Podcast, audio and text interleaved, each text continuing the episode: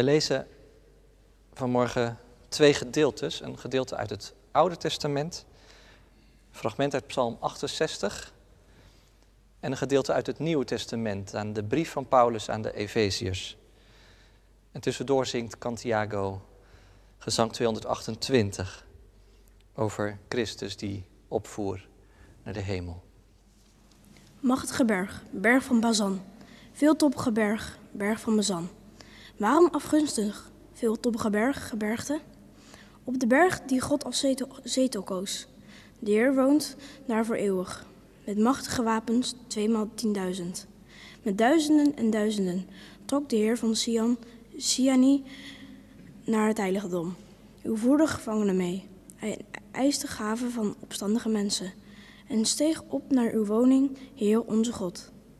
Geprezen zij de Heer dag aan dag. Deze God draagt ons en redt ons. Onze God is een reddende God. Bij God, de Heer, is bevrijding uit de dood.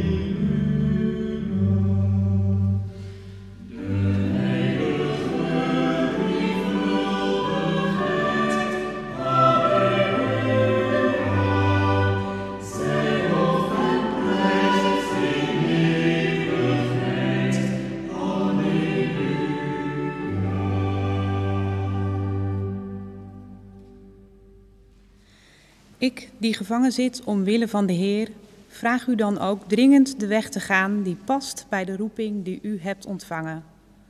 Wees steeds bescheiden, zachtmoedig en geduldig, en verdraag elkaar uit liefde. Span u in om door de samenbindende kracht van de vrede de eenheid te bewaren die de geest u geeft. Eén lichaam en één geest, zoals u één hoop hebt op grond van uw roeping. Eén Heer, één geloof, één doop. Eén God en Vader van allen, die boven allen, door allen en in allen is. Aan ieder van ons is genade geschonken, naar de maat waarmee Christus geeft. Daarom staat er, toen hij opsteeg naar omhoog, voerde hij de gevangenen mee en schonk hij gaven aan de mensen. Hij steeg op wat betekent dat anders dan dat hij ook is afgedaald naar wat lager ligt, naar de aarde. Hij die is afgedaald is dezelfde als hij die opsteeg tot boven de hemelsferen, om alles met zijn aanwezigheid te vullen. Ik lees nog even de tekst voor de preek. Die gaat over Efeze 4. Efeze 4 vanaf vers 7 tot en met 8. Daar schrijft Paulus, aan ieder van ons is genade geschonken naar de maat waarmee Christus geeft. Daarom staat er, toen hij opsteeg naar omhoog, voerde hij gevangenen mee en schonk hij gaven aan de mensen. Daar gaan we over nadenken. Gemeente van Christus. In een museum in München hangt een prachtig schilderij van Rembrandt. Geschilderd door Rembrandt. Het is het hemelvaartstafereel. Christus staat in een wit kleed met uitgestrekte armen in het volle licht. Het hoofd omhoog, de ogen gericht naar de hemel. En aan zijn voeten zie je een groepje engelen die hem eigenlijk dragen. Bijna een knipoog naar dat verhaal van Jezus in de woestijn als die verzocht wordt door de Satan. En de duivel vraagt, spring maar van de rand van het dak af. Want als jij de zoon van God bent, dan zullen die engelen jou wel dragen. Nou, dan doet Jezus het niet. Maar, maar nu lijkt Rembrandt te willen zeggen, is het moment aangebroken dat inderdaad het zoonschap van Christus, dat hij echt God is, dat dat helemaal doorbreekt. Vanaf nu kan niemand er meer omheen. Dit is de Christus, de Messias, de gezalfde. Hij is God. Hemelvaartsdag is dus een soort kroningsdag, zou je kunnen zeggen. Maar hoe breng je dat gebeuren nou goed in beeld? je kunt er iets over schrijven zoals de Heidelbergse catechismus dat doet. Of je kunt proberen er een bloemstuk van te maken.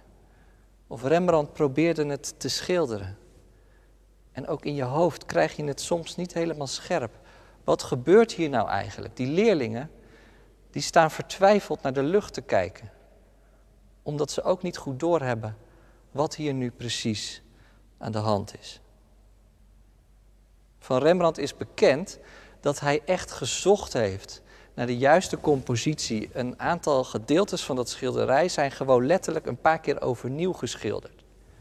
Zoekend en tastend probeerde hij de juiste compositie te vinden en het juiste te zeggen over wat hemelvaart precies betekent.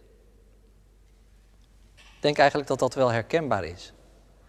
Dat het ook voor ons geldt, dat we niet altijd goed weten wat we met Hemelvaartsdag aan moeten. Wat betekent het eigenlijk dat Jezus naar de hemel ging? Hoe leg ik dat nou uit aan de mensen om mij heen, die misschien weinig kennis hebben van het christelijk geloof?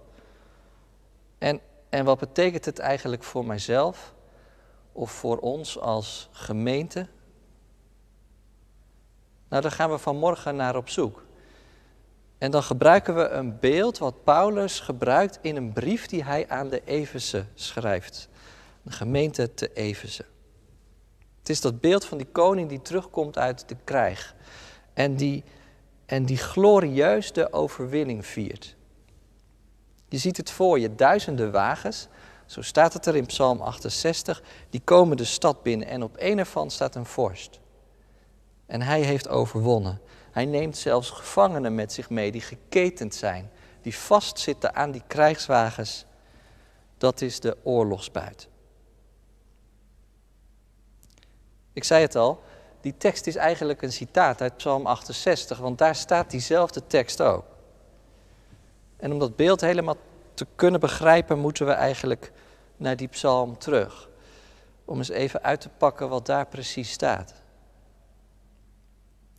In die psalm wordt dat beeld van die koning geprojecteerd op God, op de Heere, Yahweh, die van de Sinaï naar de Sion gaat, van de woestijn naar de berg in Jeruzalem. Als je die hele psalm zou lezen, dan valt op dat er gigantisch veel grote woorden gesproken worden over God. Die psalm heeft iets profetisch, het is een geweldige geloofsbeleidenis. Want die God die vanuit de woestijn nu op de Sion komt wonen, dat is een geweldige God. Een God die overwint. De vijanden vluchten weg zodra ze hem zien. De aarde beeft voor hem en water stort uit de hemel.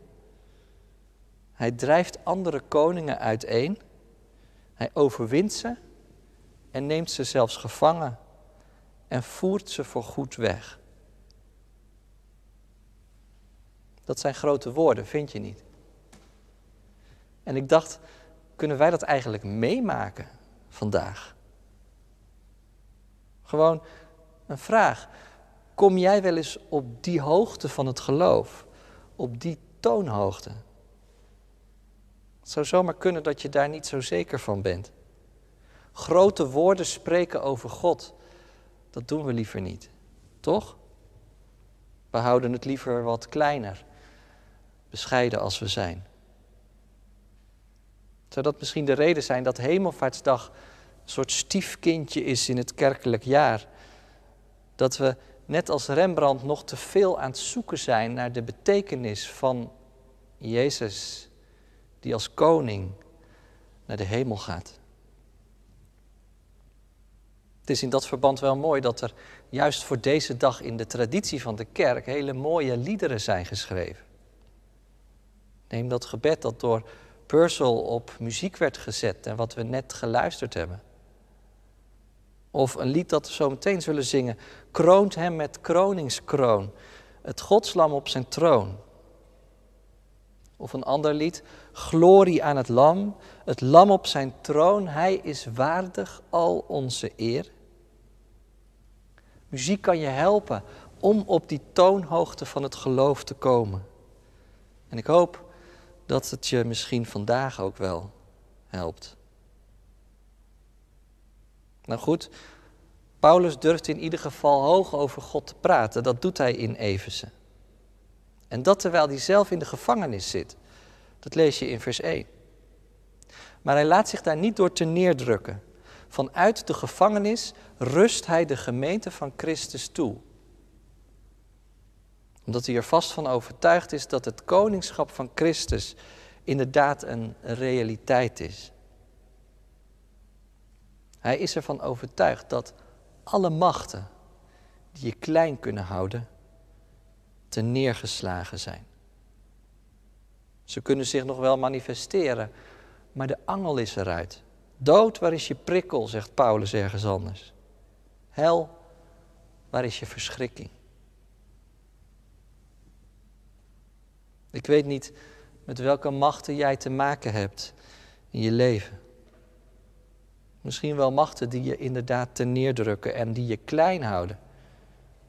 Die je misschien wel beletten om af en toe eens met grote woorden te spreken. Over God of over het leven of over de toekomst. Paulus roept in zijn brief de gelovigen op om te leven in overeenstemming met hun roeping. En hun roeping is om zich niet te laten beknotten door vreemde machten, maar om voluit en vrijmoedig een volgeling van Jezus Christus te zijn. Om te leven met een oog wat gericht is op een andere werkelijkheid, op de toekomst, op Gods nieuwe wereld. En daarom, zegt Paulus, vraag ik van jullie om bescheiden te zijn en zachtmoedig, geduldig, verdraagzaam en vreedzaam. Als je die karaktereigenschappen even omdraait, dan kom je zo al een aantal vreemde machten op het spoor, die ons mensen vaak juist wel heel klein houden. Die ons beletten om werkelijk zo te leven.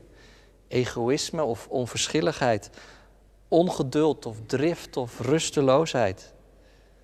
Ze kunnen je hart op slot draaien. Als je ermee worstelt, denk dan nog eens aan dat beeld van die koning die getriomfeerd heeft. Hij rekende die machten in en voerde ze af. En ze hebben niet het laatste woord. Ook niet in jouw leven. Nou, dat is de ene kant van dat beeld uit de psalm. Die koning die neemt gevangenen mee. Maar er gebeurt ook nog iets anders als je goed leest. Als je dat leest in Psalm 68, dan staat er dit. U vorderde gaven bij de mensen. U eiste gaven. Het gaat om de Heere God die van de Sinaï naar de Sion gaat, vanuit de woestijn naar Jeruzalem, vanuit de plek waar de wet werd gegeven naar de plek waar God voor altijd zal wonen. En wat vraagt God? Dat de mensen op die plek waar hij gaat wonen zich gaan houden aan die wetten van de Sinaï. Dat zijn eigenlijk de gaven die ze aan hem moeten geven. Zelfs van koppige mensen eist de Heer gaven, staat er. En koppig, dat is dan een woord dat je veel vaker in het Oude Testament tegenkomt, juist als het gaat over Gods eigen volk. In Jezaja bijvoorbeeld. God heeft een verbond gesloten met zijn volk. En daarom draagt hij hen en geeft hij hen beloftes. Maar de andere kant van de belofte is, van het verbond is dat het volk hem moet dienen. En dat doen ze lang niet altijd. Heel de dag sta ik met uitgestoken handen tegenover een koppig volk, zegt God ergens in Jesaja. En zo lijkt Paulus die tekst ook op te pakken. Die oproep om een godvruchtig leven te leven, die zou je zomaar heel moralistisch kunnen lezen, vind je niet? Daar gaan we weer. Wees steeds bescheiden, zachtmoedig en geduldig. Verdraag elkaar uit de liefde. Span je in om de vrede en de eenheid te bewaren. Waarom moet ik altijd zoveel van God? En wat als ik er koppig tegen inga? Komt hij me dan dwingen? Maar wacht eens even. Als je goed leest, dan zie je dat Paulus nu precies iets anders zegt. Leg Psalm 68 en Efeze 4 maar naast elkaar. Dan zie je een verschil. Ik weet niet of het je opgevallen is, maar in de psalm staat: U voerde gevangenen mee en eiste gaven van de mensen. Maar in de brief staat het precies andersom. Toen hij opsteeg naar omhoog, voerde hij gevangenen mee en schonk hij gaven aan de mensen. In de psalm eist God gaven, maar in de brief schenkt God gaven. Hoe moet je zoiets nou oplossen? Daar hebben Bijbelwetenschappers zich natuurlijk het hoofd wel over gebroken. Zou Paulus zich misschien vergist hebben? Hij moest per slot van rekening al die teksten uit zijn hoofd citeren en dan maak je zomaar een foutje. Of een andere mogelijkheid, helemaal aan de andere kant van het spectrum. Je kunt zo'n verschil wegvertalen. Dat gebeurt bijvoorbeeld in de herziene statenvertaling. Daar staat in Psalm 68, u hebt gevangenen weggevoerd, u hebt gaven genomen om uit te delen onder de mensen. En dan staat om uit te delen cursief gedrukt, want dat staat eigenlijk niet in het Hebreeuws. Dan lees je die psalm al helemaal nieuwtestamentisch. Maar de mooiste verklaring trof ik eigenlijk aan bij Augustinus. Hij durft het aan om die twee teksten gewoon naast elkaar te laten bestaan, zonder te beweren dat het fout is. Gaven eisen en gaven uitdelen. Dat moesten we maar samen nemen, vindt hij. Want het ene is profetie en het andere is geschiedenis. Blijkbaar geeft God wat hij van ons vraagt. In een van zijn belijdenissen zegt Augustinus het zo: Paulus kan niets uit zichzelf, omdat hij slechts stof was. Maar tegelijkertijd vermocht hij alle dingen door hem die hem kracht gaf. En dan bidt hij: Geef ook mij kracht, opdat ook ik het vermag. Geef wat u beveelt en beveel wat u wilt. Mooi vind ik dat. Je zou het eigenlijk ook zo kunnen zeggen. Op Golgotha overwon Christus de machten die ons tegenhouden om werkelijk met God te leven. Blijkbaar overwon hij ook de macht van de koppigheid. Kan hij onze weerstand en onze twijfel en onze onverschilligheid wegnemen, omdat hij ernaar verlangt dat we een godvruchtig leven leven, in dienst van zijn rijk. Want zo moet je die Everse brief eigenlijk wel lezen. Paulus wijst zijn lezers erop dat ze een leven mogen leven waar Christus, de verrezen Heer, centraal staat. Een leven dat helemaal toegewijd is aan Hem. En Paulus weet ook wel dat ze dat uit zichzelf niet kunnen. Daarom geeft God jullie gaven. Vers 7. Aan ieder van ons is genade geschonken naar de maat waarmee Christus geeft. Wat is dat voor maat? Nou, dat is de maat van de overvloed. Precies genoeg voor jou en voor mij. Want Christus geeft zichzelf. Vers 10. Hij is het die alles met zijn aanwezigheid vervult. Ik liet aan het begin van de preek even dat schilderij zien van Rembrandt. Hij is een meester in het spel van licht en donker. Christus staat op deze afbeelding in het volle licht. Maar de leerlingen die staan een beetje in de hoeken, in het donker. Moeten zij straks het evangelie handen en voeten geven? Weet je wat ze allemaal hebben uitgespookt de laatste weken? Hoe ze de een na de ander de moed hadden opgegeven. En nu zijn ze net weer een beetje op adem gekomen na 40 dagen. En dan gaat Jezus weg. Wie zijn die mensen in de hoeken van het schilderij?